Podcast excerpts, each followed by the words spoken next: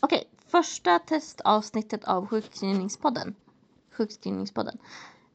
Um, det här är alltså en litet test för att se om det funkar att eh, ja, jag vet inte om det finns intressanta uh, lyssnare här eller typ intresserade lyssnare till den här podden.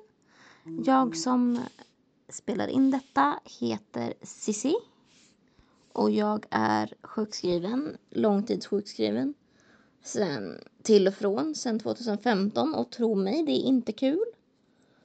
Uh, det finns säkert någon som tänker att det är skitkul att gå på bidrag men tro mig, det är det inte när man har pluggat för att få jobba.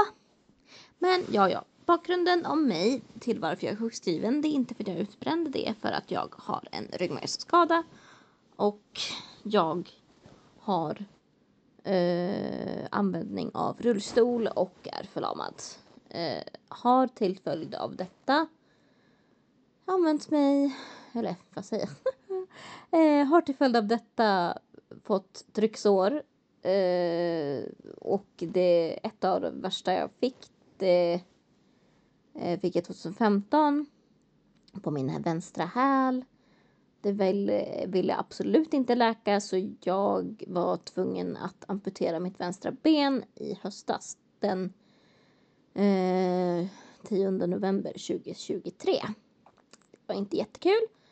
Och eh, det är bara därför jag har varit sjukskriven så länge till och från. Liksom 2015 och då kan man ju undra eftersom att det är 2024 nu hur i helvete har du, eh, jag, orkat med det? Det vet jag inte faktiskt. Det har varit mycket gråt, det har varit mycket ilska, det har varit mycket frustration. Eh, men eh, den här podden är tänkt att vara till för er som är sjukskrivna på ett eller annat sätt, spelar ingen roll vilken anledning, långtids eller inte och bara vill få tips om vad man kan göra. Jag har ju lite speciellt eftersom att trycksåret har eh, ett trycksår är alltså kan jag ju kanske ge bakgrund till också. Eh, det är ett sår som uppstår om man inte har någon känsel och då får man tryck på ett och samma ställe för länge och det blir ett sår som har svårt att läka ibland. Lite som diabetessår för er som har diabetes. Eh, ja, hur som helst vad var jag nu? Det, det kan ju vara värt att nämna. Jag har ganska lätt att tappa tråden men det hoppas jag inte ska göra här.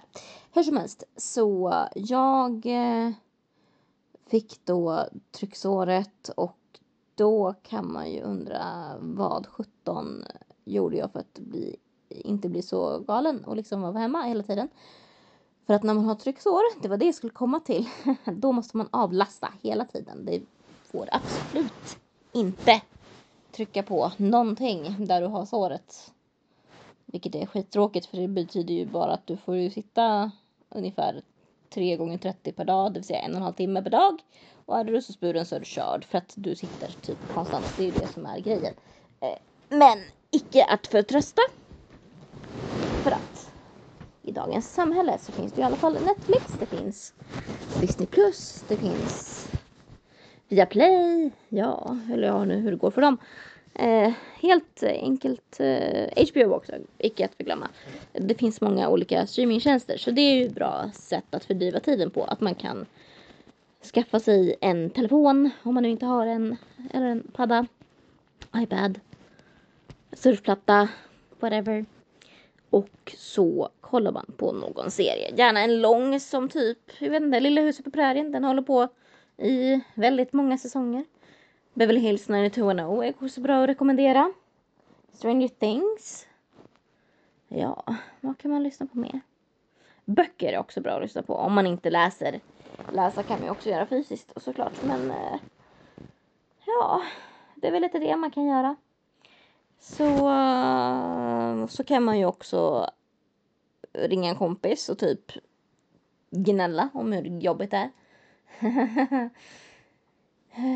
ja, vad kan man göra mer? Nej, men största grejen skulle jag säga för att inte gå helt bananas och bli knäpp och alltför deprimerad, vilket man blir, tro mig, det är att faktiskt distrahera sig själv. distansera sig från såret, även om man såklart ska tänka på det, men man behöver inte tänka på det hela tiden. Det är att kolla på serier och typ snöa in i en annan värld. Det funkar för mig i alla fall. Uh annars vet jag inte. Hmm. Det återstår att se i nästa avsnitt antar jag. Det här är ju bara ett testavsnitt som sagt, så vi får se hur det mottas av eh, eten. Men eh, jag hoppas det blir bra i alla fall. Ehm, dela gärna på Facebook. Ha det så bra. Hejdå!